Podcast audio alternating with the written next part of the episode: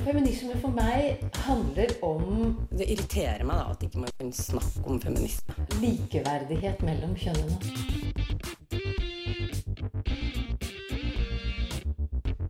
Det blikket på kvinnen på film. handlet det om å bli tatt på alvor som jente. Du hører på Et eget rom på Radio Nova. Semesteret har starta, og høsten nærmer seg med stormskritt. Men vi i Et eget rom er ikke helt klar for å gi slipp på sommeren. Derfor skal vi i dag se på sommerens kanskje største happening, nemlig Pride i Oslo 2018.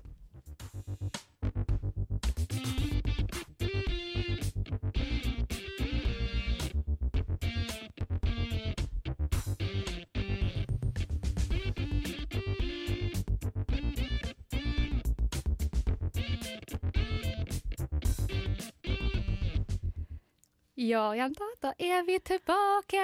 Det er et eget rom igjen. Jeg skjønner ikke gira. Er dere gira? Litt gira. Ja, veldig. Ja. det var fint at det reflekterte veldig i stemmene våre hvor gira vi var. Jeg, jeg bare merket at det snek seg frem en liten gjesp sånn under vignetten her. Så helt på topp er jeg ikke helt ennå, men det kommer seg. Det kommer seg. Vi får jobbe oss inn i det. Er nå kanskje litt i feriemodus enda. Litt i feriemodus. Ja, skolen og jobb og alt starter jo igjen nå, og det betyr også et eget rom, men det er jo veldig hyggelig, da. Ja. Men ja. ja. Nei, altså, jeg kjenner jeg er veldig inn i det her, for jeg har jo vært på skolen en hel uke, så jeg er så klar for at det artige med høsten skal begynne òg, da. Eh, men ja, de stemmene du hører nå, det er meg, Anne Marie Sundet, og så er det Linda Therese Rosenberg, og så er det Lisa Aasbø. Og tekniker Helje Svensson. Veldig koselig. Eh, I dag er det jo Pride 2018 som på en måte er tema vi skal prøve å oppsummere litt. Hva skjedde, hva skjedde disse Litt sånn på etterskudd, egentlig. Ja, måneder. litt på etterskudd. Ja, To.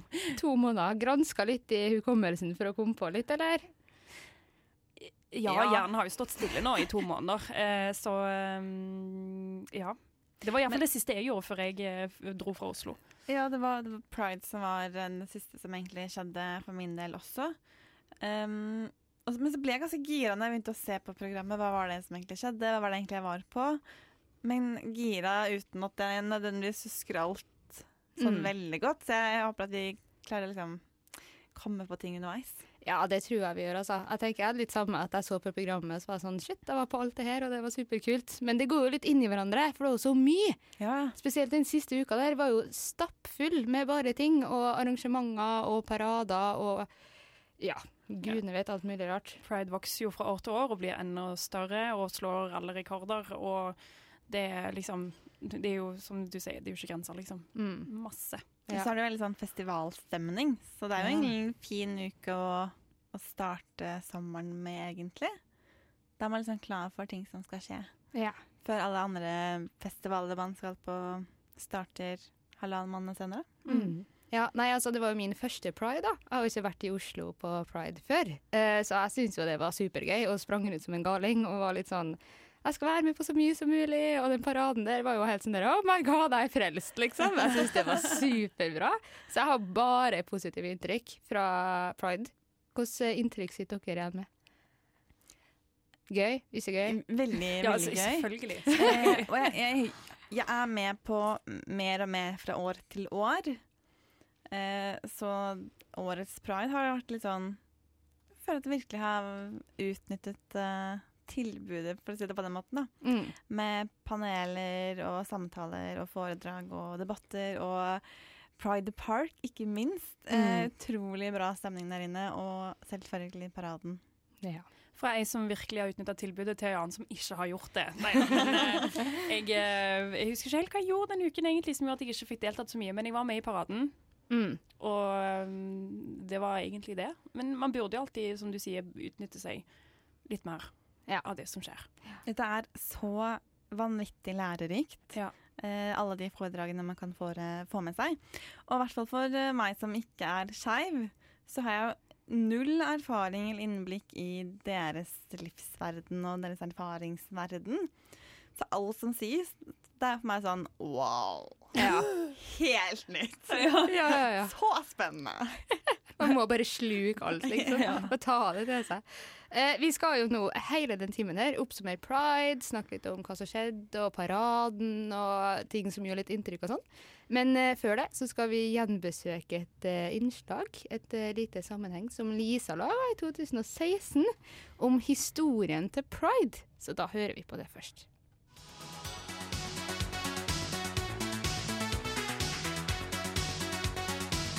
Homofile skal ha en selvfølgelig rett til å være det de er, og til å kunne vise det. Året er 1988. I Oslo arrangeres homodagene årlig for fjerde gang.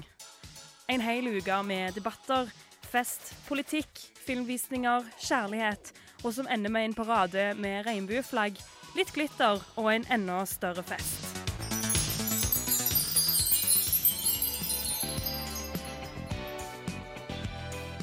Pridefeiringens historie kan spores tilbake til en konkret hendelse i 1969 i New York. Midt på natten en sommerdag i slutten av juni gjorde politiet en razzia mot homseklubben Stonewall Inn. Det førte til store opprør og demonstrasjoner samme natt fra det homofile miljøet, og opprørene de eskalerte i dagene som fulgte. Det at politiet tok seg inn på homsebarer og klubber, var nemlig ikke en ukjent sak. Og demonstrasjonene utenfor og inne på Stonewall Inn ses på som dråpen som fikk begeret til å renne over, og det ble startskuddet for den moderne homobevegelsen.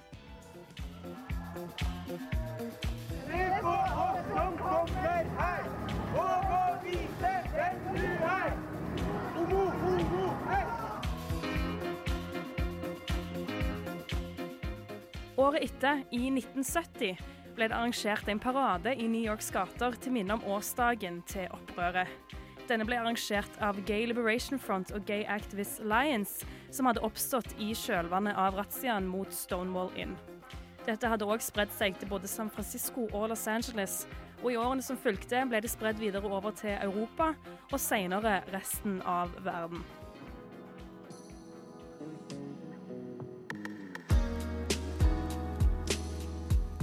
Den 27. juni 1974 ble den aller første markeringen av opprørene i New York markert i Norge. Rundt 250 personer deltok på det som var appeller på Universitetsplassen om frigjøring og viktigheten av åpenhet og synlighet. Det var ikke før i 1982 at det ble en festival, og rundt 400 personer deltok på Homodagene i Oslo. En femdagers lang markering hvor paraden gikk gjennom Oslos gater for aller første gang.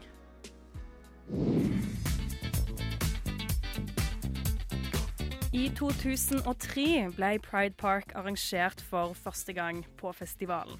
Og i 2005 var Oslo Pride for første gang vertskap for Europride, den europeiske versjonen av festivalen. Dette året ble det òg satt deltakerrekord. Rundt 15 000-20 000 mennesker deltok i paraden med 55 registrerte flåter. Det samme skjedde i 2014, når Oslo Pride igjen var vertskap for den europeiske festivalen. Over 20 000 var med i paraden. Over 40 000 var innom Pride Park i Oslo sentrum. De siste årene har Oslo Pride og pride i resten av verden bare blitt større og større. Noen steder settes det til og med av hele juni måned for å vise solidaritet og fortsette kampen for like rettigheter og mot diskriminering av LHBTIQ-personer. Og hvorfor akkurat juni? Jo, for å minnes det som skjedde den 28. juni i 1969 på Stonewall Inn i New York. ønsker hjertelig velkommen til den offisielle åpningen av Homodagene 1988.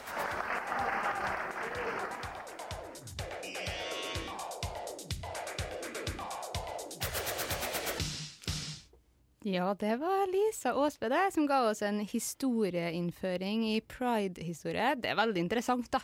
Å, skje, å høre liksom om hvor masse som egentlig har skjedd, og hvor mye påvirkning det har fått. Altså, det er jo en grunn til at vi fortsatt feirer pride i den måneden vi feirer. Det er jo, henger jo igjen, da. Veldig kult. Igjen. Eh, du nevnte jo eh, eh, den eh, europeiske pride-festivalen.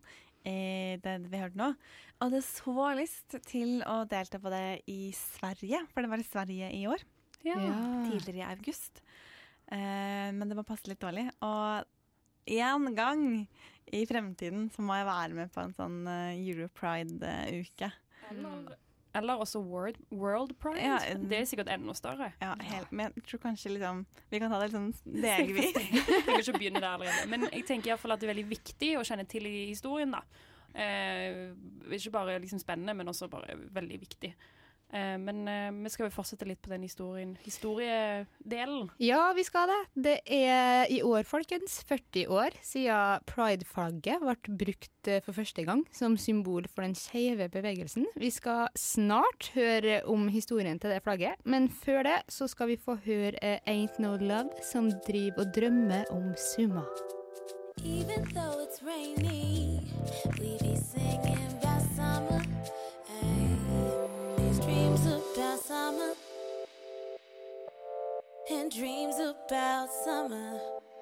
Yeah, yeah, and dreams about summer. These dreams about. Ja, altså Ain't No Love med samme fikk du der med A til og med, ikke ER på slutten. eh, vi sa jo før eh, sangen her nå at vi skal holde oss litt i historiebanen. eh, vi skal snakke litt om flagget, som feirer 40 år i dag. Ja. Og det har du sett nærmere på, Linda. Ja, eller um, i fjor sommer, fordi det er jo ikke første gangen vi har en sending om Pride-festivalen. Eh, da satte jeg og gjorde research. Hva skal vi snakke om? Det har vært pride. Vi skal ha en sending hvor vi oppsummerer pride. Og så fant jeg ut at eh, mannen bak pride-flagget, han hadde da dødd eh, noen eh, måneder eller uker før pride-uka, eller ja, det som skjedde da. Og da tenkte jeg at nå, det her må vi jo markere ved å lage en liten, liten sak da, om dette flagget. Og det jeg fant ut da, var jo at i 2018 så er det 40 år siden det virkelig manifesterte seg som symbolet for den skeive bevegelsen. Eh, så det her er egentlig et gjenhør fra i fjor, da, eh, fra 2017, om eh, flagget og opprinnelse og hva fargene betyr. Jeg vet ikke om dere har veldig peiling på disse fargene? Nei. Det er en grunn til at det er disse fargene. No. Ja, da kan vi altså lære litt da, om hva, hva, er det, hva er fargenes betydning. Hvis jeg begynner å snakke om en rosa trekant, så vil det kanskje ikke si deg så veldig mye. Og det er kanskje ikke så rart, men vi skal ikke lenger tilbake enn til 1978. For den rosa trekanten var et langt mer gjenkjennelig symbol for homobevegelsen. Den rosa trekanten ble nemlig først brukt av nazistene for å merke homofile under krigen, og hadde av den grunn en ganske tragisk historie knyttet til seg.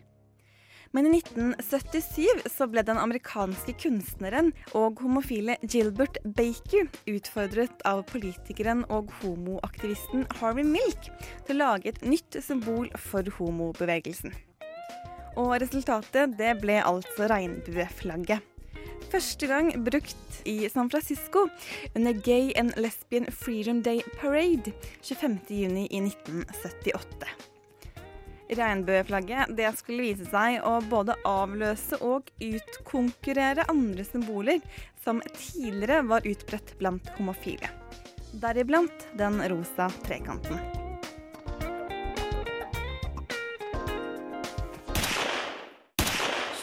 november i 1978 så blir Milk drept, og ble etter det stående som en av martyrene for homobevegelsen i USA. Og det var nå at etterspørselen etter det nye symbolet for homobevegelsen begynte å stige. For flagget ble nå like mye en hyllest til Milk som et symbol for homobevegelsen.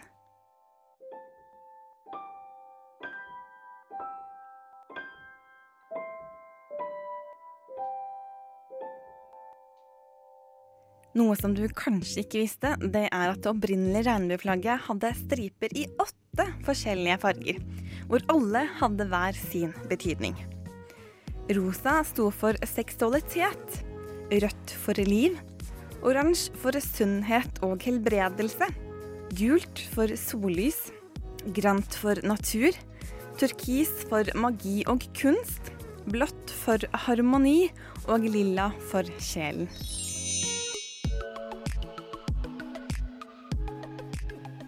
I dag så har regnbueflagget seks striper. For da The Paramount Flag Company begynte å produsere flagget i 1978, så ble den rosa stripen tatt bort, ettersom den rosa fargen var ganske vanskelig å produsere. Litt senere så ble flagget endret nok en gang. For å gjøre flagget, eller rettere sagt designet, mer egnet for at det skulle brukes som bannere, så ble den turkise stripen fjernet fra flagget. Og siden så har altså det offisielle flagget hatt seks striper. Birger Berge har skrevet mastergrad om den norske homobevegelsen, og beskriver regnbueflagget som et flagg som markerer tilhørighet, fellesskap, solidaritet og mangfold. I tillegg til at det symboliserer frihet og likeverd i hele verden. Men det viktigste er kanskje at det symboliserer at kjærlighet er et naturlig fenomen, akkurat som regnbuen. For som Baker selv skal ha uttalt, det er et naturlig flagg. Det kommer jo fra himmelen.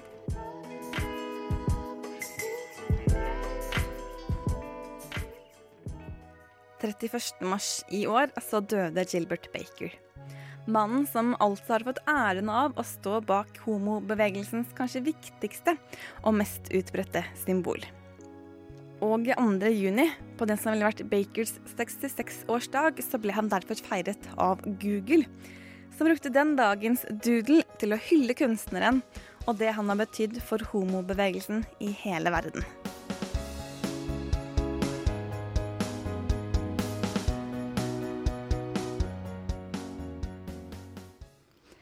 Ja, det var Linda Rosenberg som hadde gitt oss en innføring i historien til pride-flagget. Jeg kan røpe at det som overrasket meg mest da jeg gjorde research til eh, det vi hørte nå, i fjor, det var at det opprinnelig var åtte farger og ikke seks. Ja, fordi du nevnte jo, altså uten å ta den veldig lange samtalen, men du nevnte jo at det var liksom sånn rosa og sånn var med, men at de Rosa har tatt det ut. tatt bort. Ja. Men det er vel noe med i Er det transflagget? Det er eh, rosa, i hvert fall med noen av de andre flaggene. Jeg tror det er, er det ikke med flere flagg. Det er vel en bie har en sånn lille, dyp lilla farge, sånn plommefarge. Ja, for jeg tror transflagget er lysblå og lys rosa, og så hvit Men- i midten. Mm. Og så motsatt igjen. A6-flagget har også noen sånn rosa-lilla farge i en av stripene sine. Så det er jo noen farger som har kommet inn igjen. Ja, sant, som man har begynt å bruke på nytt, på en måte. Men eh, i hvert fall i 1978 så var rosa fargen veldig vanskelig å få i sånn flaggstoff. Ja. Ja. ja.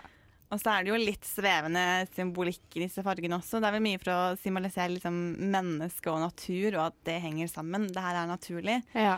Eh, på sånn sollys og natur og sjelen. Det er jo litt sånn svevende.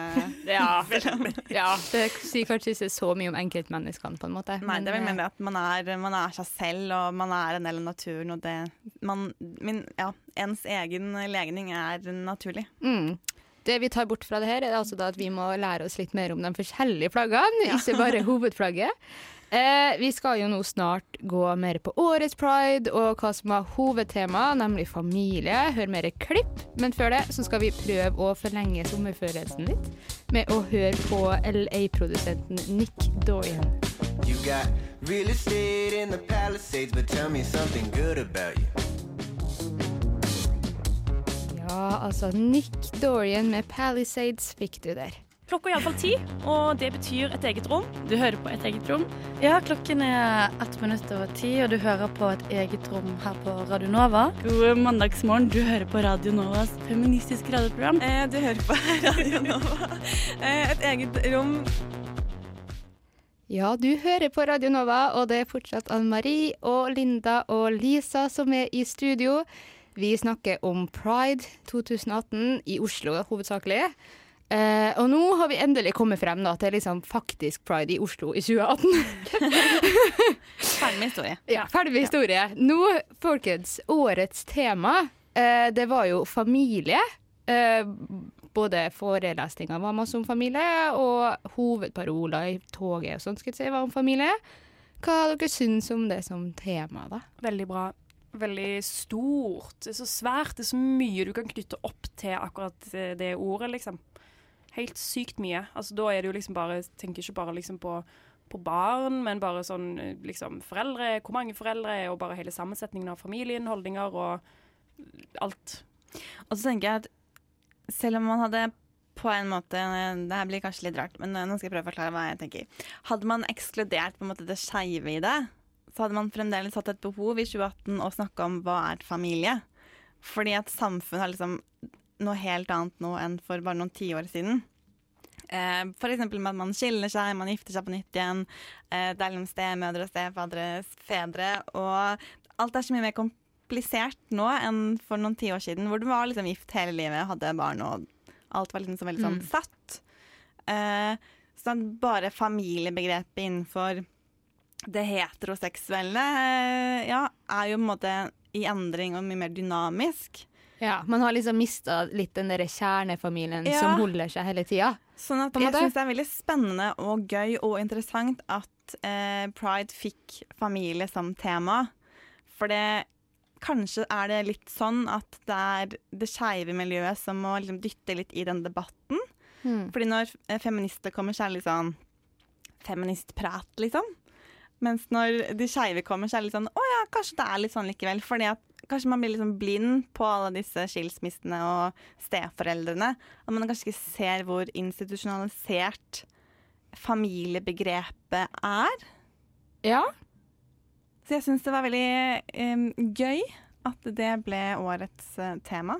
Men, men, men tenker du, eh, hvis jeg forstår det riktig, tenker du da på en måte at, at eh, det er likere enn man tror? At man gjerne har en idé om at hele det familiebegrepet, at, eller hele det, ideen om en familie skal være sånn og sånn, men så egentlig så eh, er det egentlig ikke sånn pga. alle disse skilsmissene som skjer, og liksom, ja, stemødre og stefedre, som du sier. Og derfor så Jeg tror poenget mitt er liksom at familie og hva en familie er, er litt sånn en, en glemt debatt generelt i samfunnet. Mm. Og at de som faktisk tar debatt på en ordentlig måte, det er det skeive miljøet. Men deres problemstillinger gjelder jo egentlig generelt, på en måte. Eh, ja, Mm. hvis det var litt mer forståelig nå? Ja. Ja. ja, for jeg tenker det er jo veldig mye interessant i det der med familie, og både hva, normal hermetegn kje- kjernefamilie, men også familier som blir påvirka av at det er en skeiv familie. Da. Altså bare det med hva som er mulig å krysse av på dokumenter hvis du er liksom to foreldre, ikke sant, og hvordan du får barn, da, tenker jeg er en veldig interessant ting. Altså det der med surrogati eller adopsjon, eggdonasjon, sæddonasjon, altså hvilke prosesser man må gå gjennom, da, fordi man er et safe par, eh, som heterofile cis-par ikke nødvendigvis trenger å gå gjennom. da. Jeg syns det er veldig interessant. For det, det det som er så interessant når det er eh, pride som diskuterer familie. Det er kanskje da man først skjønner hvor konservativt samfunnet kanskje egentlig ser på en familie. da. Mm. Eh, fordi at alt blir annerledes med en gang det er to kvinner eller to menn som ønsker en familie. Eller tre og fire. Eller tre eller fire fem. Ja, Ja. det skjer jo også. Og det, da begynner du virkelig kanskje å utfordre litt. Så det er kanskje da man skjønner hvor fast det familiebegrepet er. Mm. Og kanskje da man mest ser behovet for å ta en del debatter om hva er en familie, hva kan en familie ikke være? Er det Mm. egentlig noen grenser?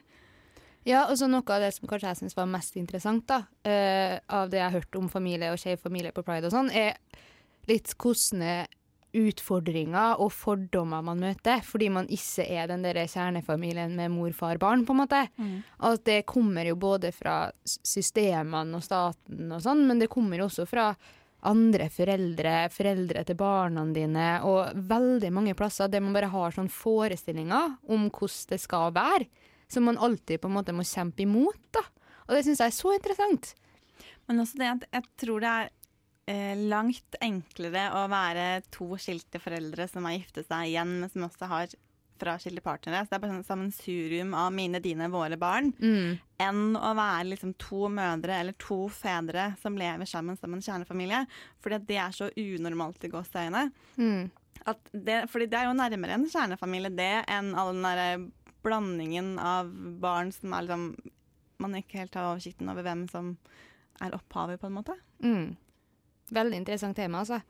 Eh, vi har jo henta litt klipp fra årets pride, eh, så nå så skal vi høre litt om religi eller det religiøse familiebegrepet, for det er jo litt interessant. Altså, utgangspunktet var liksom eh, familiebegrepet i kirken mest, men Mm. også sånn religioner generelt. Og eh, jeg synes, det var litt spennende hvordan de så på det. Og det var de hadde veldig mange fine bemerkninger på eh, familie og hva det ikke rommer. Og det kanskje bør romme sånn generelt familie, men også da knyttet til, til kirkerommet. Mm.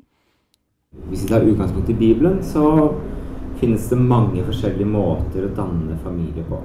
Det fins måter å danne familie på hvor man har polygami, hvor man gjerne har en mann som på en måte har flere koner. En mulighet. En annen mulighet er på en måte å ha de mer såkalte åpne forholdene. F.eks. historien om eh, Sara og, og Hagar, hvor man på en måte får barn gjennom eh, å ha sex med sin slavekvinne, f.eks. Så familie kan liksom være fra det monogame parforholdet som vi kan finne, og til den religiøse institusjonelle familie. Ekteskap bygger på denne ideen om eh, mann og kvinne som skal skaffe barn og barnen skal sen eh, skaffe sin egen mann og kvinne og skaffe barn. Og at det er veldig mye monopol på det. De som ikke følger denne modellen blir jo straffet på så mange sett. Det handler om fordeler i en, nasjonalstat. Jag, jag gillar ordet familj heller för att för mig så tänker jag direkt på den här kärnfamiljen. Jeg kan bare nevne det. altså litt sånn i, altså på måte I et luthersk kontekst så er på en måte ekteskap i seg selv er ikke en, en hellig handling. Det er veldig viktig. Det er, en veldig, det er en praktisk ordning som på en måte er der sånn fordi det er samfunnet ser på det som en god måte å leve livene sine på. Så det betyr ikke at vi teologisk må holde på ekteskapet som den ene måten å leve livet vårt på og skape familie på. da. Men, men det som også er veldig viktig veldig ofte med familiebegrepet, er veldig ofte at jeg tenker at det handler mye om at vi ønsker å kontrollere seksualitet. Vi, tenker, vi ønsker å kontrollere seksualitet innenfor noen former som gjør at det er lett å følge denne slektslinjen, ikke sant? Altså, Norge er ikke sånn superprogressivt og liberalt når det kommer til disse tingene her, sånn, altså. Det er bare litt sånn Vi er stein konservative. Heterofile er veldig glad for at jeg som homofil får lov til å gifte meg, for da får de lov til å være liberale. ikke sant? Altså Det er litt den opplevelsen jeg sitter igjen med. Grunnleggende mener jeg at ekteskapet og slik familiestrukturen er lagt opp, er en patriarkalsk struktur som først og fremst handler om å kontrollere seksualitet. Og det i seg selv kan være undertrykkende. Det er så mye problem med at det er en religion som får definere det här. Det, det ligger så mye sexisme og altså at man eier noen annen he, hele tiden. Altså det at man har fått inn skeive folk da, i på en måte ekteskapet, hva gjør det med Pusher det begrepet bitte litt ut? Nei, jeg tenker egentlig ikke det, altså. For at det er ingenting ved forståelsen av samlivet som forandrer seg. Man åpner opp for at det er flere som kan få lov til å gå inn i den institusjonen og få lov til å gifte seg og skape denne kjernefamilien. Men det åpner ikke for en debatt om uh, hvordan vi skal leve livene våre som f.eks. seksuelle mennesker, eller som kjønna mennesker. Det er fortsatt veldig cis-heteronormert, da. Ja, det var litt klipp fra det religiøse familien. Ja, det var egentlig det de snakka om. Ja. på, på foredraget, og så vet ikke om det var så veldig religiøst Nei, alltid, jeg- men, men eh, veldig spennende tanker om familiebegrepet. Ja, sant. Tror kanskje vi kan være ærlige nok og si at det kanskje var litt mer det kristne begrepet, da. Som vi hørte Ja, klipp fra. det, det, var, det, det var det. Ja. Ja. ja. Men Eh, Linda, du har vært på et veldig interessant arrangement. Ja? Om interkjønn eller intersex. Ja. Du brukte vel egentlig begge deler. Eh, Det var en panelsamtale, mer eller mindre. Og de to måte hovedgjestene i panelet, det var to danske aktivister, hvor den ene av dem var intersex, eller interkjønnet. Eh, og de snakket mye om sine egne personlige erfaringer, og, og også en del om erfaringer når det gjelder å fremme denne debatten og dette temaet i, i Danmark. Både i møte med helsevesenet og i offentlig debatt. Ja, Lisa? Hva er intersex? Bra. Ja. Um, altså når du ikke er et entydig kvinne eller mann født. Altså Mhm. biologisk. Biologisk. Altså født med, samme, altså med begge kjønn, på en måte, da. Utgangspunkt for å være begge kjønn, biologisk sett. Ja, egentlig. Eller du har muligheten til å være Eller det er ikke, det er ikke eh, Det er jo ikke et enten-eller. Det er jo på en måte en, en slags eh, skala, mer eller mindre. Hvor du har mann i den ene, klar mann i den ene enden og klar kvinne i den andre delen. Eh, og så har man, Jeg har kanskje vokst opp med at hvis du er eh, interkjønn eller tvekjønnet, så har du, da er du på midten. Men du trenger ikke være på midten av den skalaen for å være tvekjønnet eller intersex. Du kan bare et eller annet sted mellom kvinne og mann. Ja. Eh, da er du intersex. Altså biologisk sett? Biologisk sett. OK, tusen takk. Eh, og hvis man men det var jo egentlig ganske godt spørsmål, fordi det her sier noe om hvor lite man har snakket om det her i den norske debatten. Mhm. Og hun ene som ledes debatten, som jobber i Likestillingsombudet, hun fortalte at dette med intersex, det kom ikke inn i sånne antidiskrimineringsplaner her i Norge før i 2017. Det har liksom vært sånn fraværende nærmest. Man har snakket om diskriminering grunnet diverse ting. Um, men noen av hovedpoengene til disse paneldeltakerne det er jo dette med at uh, intersex blir sett på som en tilstand. Og når noe er en tilstand, så kan det jo selvfølgelig fikses på. Mm. Um, og noen av de argumentene som, som man møter, særlig hvis det gjelder behandling som kirurgi eller hormonbehandling, det er dette med at hvis man ikke gjennomgår en behandling, så kan man bli sett på som skeiv. Eh, selv om man kanskje ikke føler det sånn seksuelt sett, eller sånn, ja, når det gjelder legning. Eh, og så er jo et mye brukt argument er jo at eh, det er lettere for foreldrene å akseptere et sykt barn i gåseøyne enn et uvanlig barn. For man blir ikke sett på som vanlig. Mm. Det er jo noe galt med deg gåseøyne hvis du er intersex, fordi du er jo ikke verken ordentlig mann-mann eller kvinne-kvinne. Du er et eller annet sted mellom de to polene. Og Danmark har fått ganske mye press fra FN bl.a. Eh, når det gjelder rettsprosesser. Og det handler om mangel på behandling, mangel på riktig behandling. At de som ikke føler at de får rett behandling, de blir en slags propp, for man vet ikke hva man skal gjøre med dem at helsevesenet har ekstrem mangel på kunnskap. Det er helt forferdelig vanskelig å finne relevant, ordentlig informasjon. Både om behandling, om hva intersex er, om det er farlig, hva slags behandling man bør ha, hva slags behandling man kan velge, men som ikke man trenger. Uh, og disse tingene har de fått masse kritikk for, og det er jo da uh, dette som er både rammen for de klippet vi skal høre nå fra disse to danske aktivistene. An intersex person is born with anatomy, reproductive organs, and or chromosome patterns that do not fit the typical definition of male or female. This may be apparent at birth or become so later in life. So this is a natural variation of bodily autonomy. Among doctors, there's a wide discussion going on about what is included in the term. It's, it's a problem that not even the doctors have a set term on what's actually included in intersex. As long as you see something as a disorder, a disorder can be fixed and it should be fixed. That's how the medical establishment sees intersex. They see intersex as people that should and can be fixed. That's why they carry out hormonal treatment, they carry out surgeries, they carry out medical treatments that are actually not proven necessary there's only very few types of treatment that is actually necessary. When they start doing surgeries and they start uh, dilating vaginas on small babies, then we are way past what's absolutely necessary, and those should be postponed. All those treatments should be postponed until the child is actually able to make an informed choice on whether or not they want to undergo these treatments.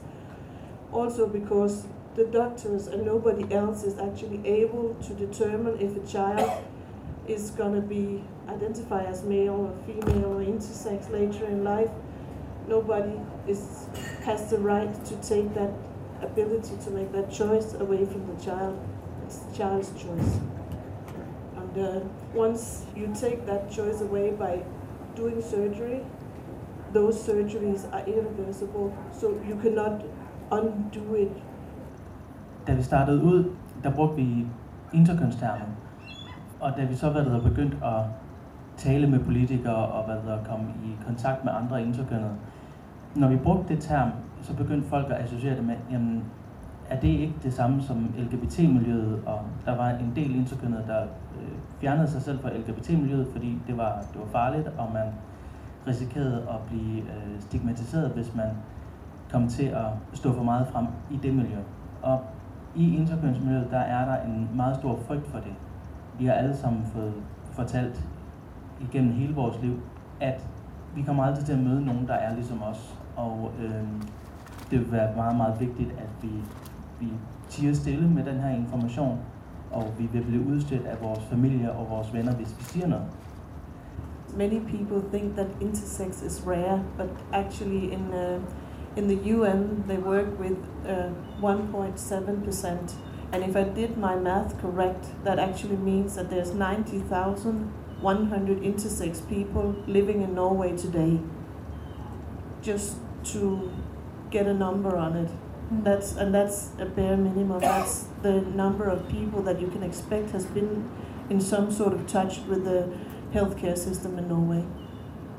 Most people know somebody that's intersex, but most people don't know they know somebody that's intersex. Mm. Right now, the, the, there is one point, one specific point on the action plan for intersex people. It is that we are gonna make some information material to actually share with parents of intersex children, mm.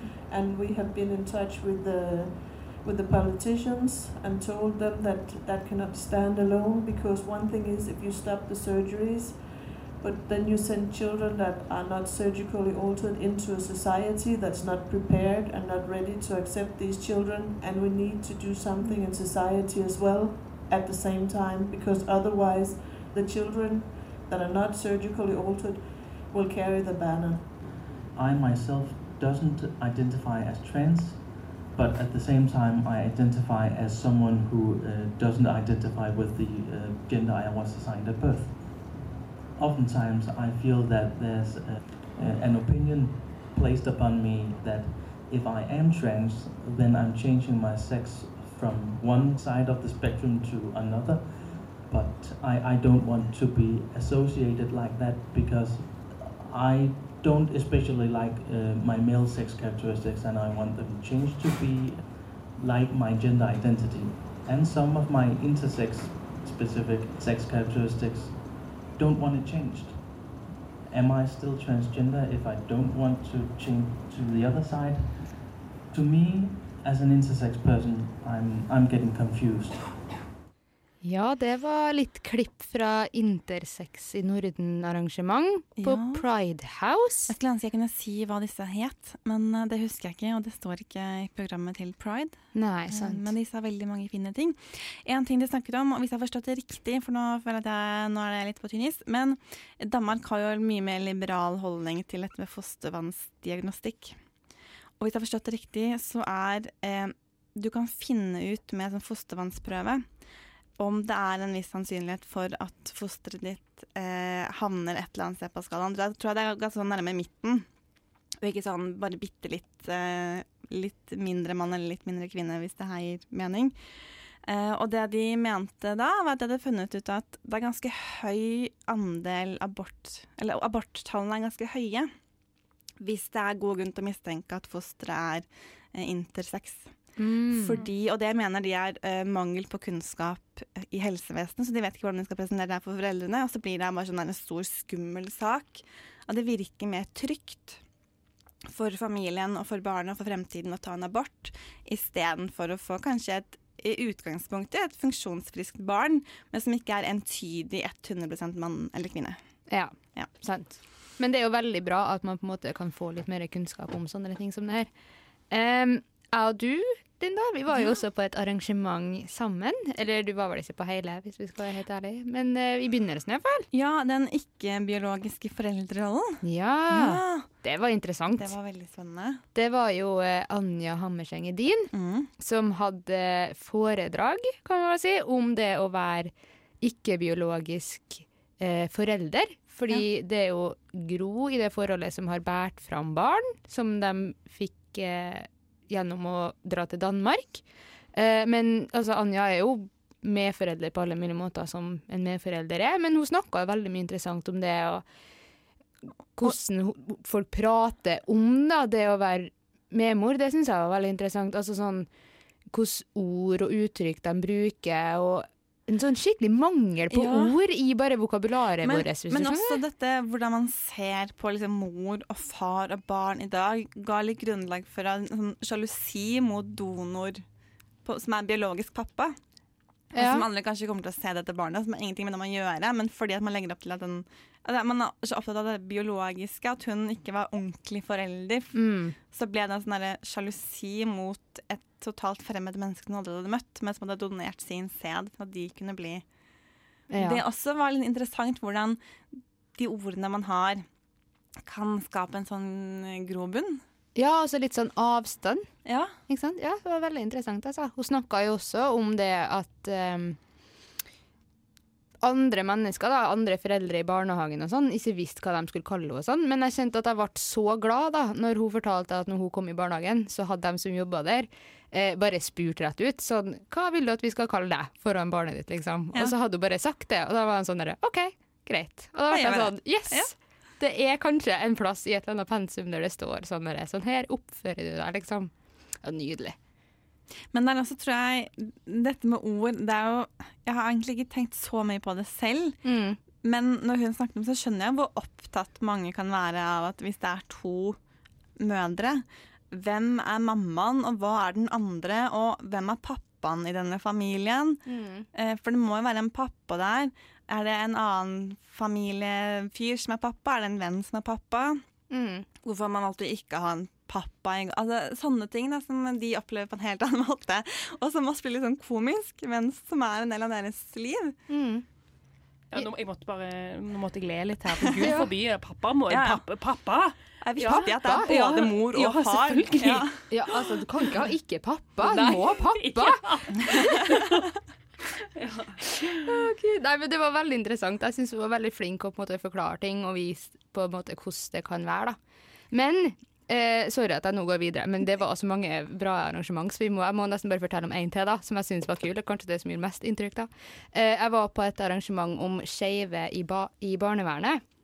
Og det var veldig bra. Det var en sånn panelsamtale og sånn, og den var bra i seg sjøl. Men så eh, gikk hun Susanne Demo Øvergård, som vi har hatt besøk av, som er fra Skeiv Verden, stilt spørsmål til panelet om hvordan man skal melde inn unge til barnevernet. Altså hvordan man kan melde en bekymringsmelding. Fordi det som skjer hvis man melder til barnevernet at man er bekymra for et barn pga. at seksuell legning f.eks.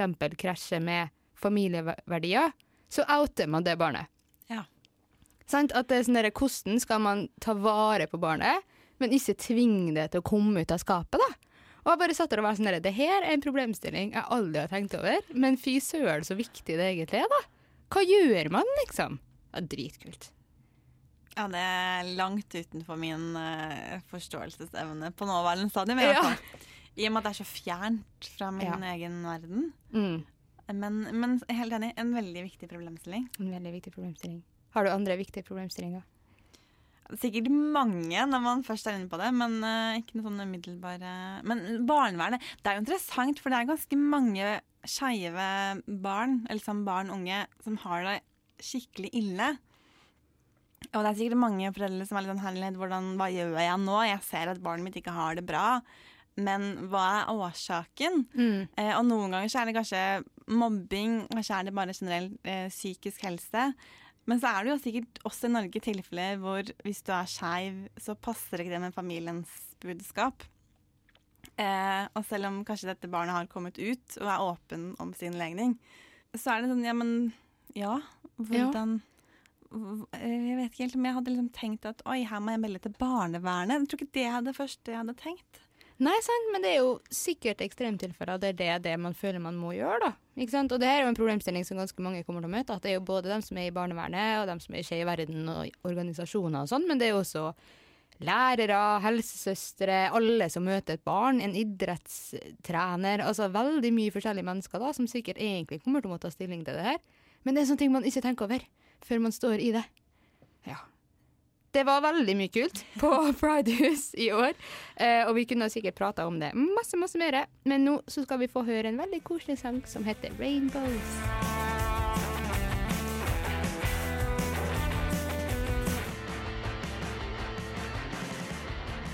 Ja, det var Beeswax med 'Rainbows'. Eh, nå begynner vi å nærme oss litt slutten, men før det så er det et stort tema som vi ikke har prata om, som vi nesten må innom.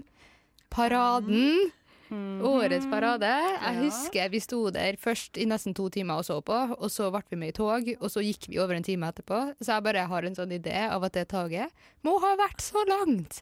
Og for en dag. Men du hadde noen tall? En av dere? Ja, altså, vi sa jo i begynnelsen av uh, denne timen at, uh, at det slår alle rekorder, og det gjør det jo også. Mm. For at det fortsetter å gjøre det. Det kommer sikkert til å slå rekorden Altså, Den rekorden som ble satt i år, kommer sikkert til å bli, sl- bli slått neste år. Men det var jo 40 000 deltakere i paraden i år. Um, Ca. 300 000 mennesker ute i gatene, sånn generelt. Og igjen langs hele ruten, og sammen medberegna også de 40 000 som gikk. Eh, 137 innmeldte bidrag. Jeg vet ikke hvor mange vi så, jeg har 40 så vi vel. og så var var det bare sånn, ja, nå må vi inn Ja. og gå. Men det som jeg syns er litt kult, da, er jo bare som en liten sånn fun fact, er at hele festivalen er frivillig drevet. Mm. Så Ja. den festivalen som trekker 300 000 mennesker ut i gatene, og som har 137 på innmeldte bidrag til en parade, ingen får betalt for å jobbe med det. Men nå Nei. vurderer de å ansette en, da, for nå begynner det å bli litt stort. og det skjønner jeg veldig godt. Ja, Kanskje sånn én ansatt koordinator, liksom. Ja, ja, kanskje ja. Jeg kan innrømme at det er første gangen i år eh, at jeg gikk i selve paraden. Jeg har sett den noen få ganger før, stått liksom på sidelinja og sett, men ikke gått i den. Men det jeg også kan røpe, da, det er at eh, jeg har aldri blitt rørt til tårer så mange ganger som det jeg gjorde i årets parade når vi så og så på. Ja. Hva var det som rørte deg? Om jeg hadde husket det, men det var så mange plakater som folk gikk rundt med. Eh, Det var blant annet eh, fra et sykehjem. Så var det en pleier som hadde med seg to gamle damer i en sånn sykkel, sånn elsykkel. Mm. Altså, jeg blir helt eh, du må, Man må på en måte være der, og så er man så emosjonell bare av alt som skjer. eh, og all, all gleden som alle viser, og all støtten som alle viser. Det sier seg selv når man er 300 mennesker i, ute i Oslo. Og 300 000. fei- Ja, takk. Ja. Eh, så når man er, det er bare en egen sånn boble som jeg kommer inn i. Og der kommer liksom tårene veldig fort, da, når eh, det er en spesiell plakat som noen går rundt med. Men jeg også har akkurat den. Jeg også, det, det begynner, har det, er solbriller på, liksom. Det, Ja. det, Ja. det, det Det er et renner. Det er noe med stemningen og bare eh, alt som skjer der. Ja, det er helt kult. Men jeg husker iallfall når vi så Jeg tror det var militæret. Og da sto jeg der og bare var sånn der, Fy fader, så kult det er at vi lever i et land der militæret er med og går i pride, liksom. Jeg bare tenkte sånn Det her er seg en selvfølge. Og da ble jeg rørt. Da ble jeg skikkelig sånn Nå kommer tårene. Nå går det så lenge, liksom. Men da kan vi jo Det leder oss jo på en måte litt videre til den flåten som vi gikk med, da. Ja. Eh, for det tenker liksom alltid sånn Hvem skal vi gå med? De fleste går jo med fri, de som går helt foran, foran i, i paraden. Men eh, Amnesty kommer jo litt lenger uti, så da Mm. kan det være greit å hoppe inn i Amnesty, liksom. Så det var det vi gjorde, da. Med tre. Ja. Eh, men det som var eh, altså årets eh, greie til Amnesty, da, var at de gikk rundt med sånne små plakater med eh, flaggene til ulike land på, der det sto eh, en, en, en straff man får da ved å vise seg offentlig homofil eller være homofil i det landet. Ja. Eh, bare sånn for å føre den tanken videre med at det ikke er en selvfølge, for det er det ikke. Eh, fra, altså, tall fra 2017 viser jo liksom at Eller statistikk eller info, fakta fra 2017 viser at det er mm, i Afghanistan og Sudan og Pakistan og Saudi-Arabia, Iran og Irak, pluss to land til, så kan du få dødsstraff, da, for eksempel.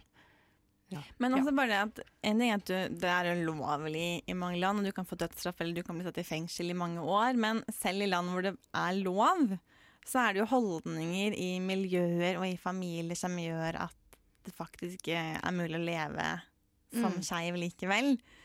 Eh, så jeg, bare det er jo nok til at man blir litt rørt når man ser denne feiringen og gleden som folk viser. Eh, når man står og ser på, og når man går i toget, egentlig. Eh, og det er jo en en feiring hvor man både setter litt sånn fokus på det bra som har skjedd, men også som Amnesty annet gjorde, da, setter fokus på at det er faktisk fremdeles en kamp når man tenker på det globalt sett. Helt klart. Helt klart. Og så er jeg også veldig glad i det mangfoldet man ser i paraden. Eh, at det kanskje er noen som har inntrykk av at i paraden så er det bare glitter og rosa og mye lakk og lær. Uh, og det er det heller ikke. Altså det er ikke det. Nei. Mangfoldet er veldig, veldig veldig stort. Um, alt fra vanlige mennesker i vanlige klær til folk som kler seg ut, til altså folk som går med fjærboer, liksom. Sant? Ja, altså Noe av det jeg liker best, er bare at det er liksom en selvfølge at alle deler av samfunnet skal være med på å ta, liksom. At det er alt fra sånn veldig organiserte ting, og folk som kommer i kraft av at de har yrke, til på en måte interessepersoner, til folk som er skeive sjøl, altså politikere. Det er liksom alle sammen, da. Bli med på det her. Ble jeg, jeg skal innrømme det, jeg ble, ble veldig rørt. Eh, for det er jo en egen flåte med skeive funksjonshemmede. Ja. Eh, og det er så fint å se at de også er så utrolig inkludert og selvfølgelige deltakere i en slik feiring. Fordi ofte, eller i mange sammenhenger, så blir jo funksjonshemmede glemt av storsamfunnet. Og de blir alltid glemt.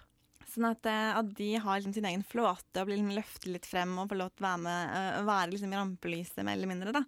Det var bare utrolig vakkert, egentlig, å, å se på. Mm. Vi må virkelig begynne å runde av snart. Eh, så jeg lurer på, har vi noen siste tanker om årets pride? At jeg gleder meg til neste. Ja! ja! Det var veldig gøy. Både gøy å gå, gøy å se på. Det var koselige ting som skjedde overalt, egentlig. Lært masse. Hadde det bra. Mm. Og den dansinga i det toget tok jo helt kaka for slutten, da. det var jo Det var gøy. Ja. Nei, nå må vi nesten begynne å runde av. Eh, I dag så har det vært med Anne Marie Sunde, og det har vært Lisa Aasbø, og det har vært Linda Therese Rosenberg som har vært i studio med dere. Vi har hatt teknikeren vår Hellige Svensson med oss.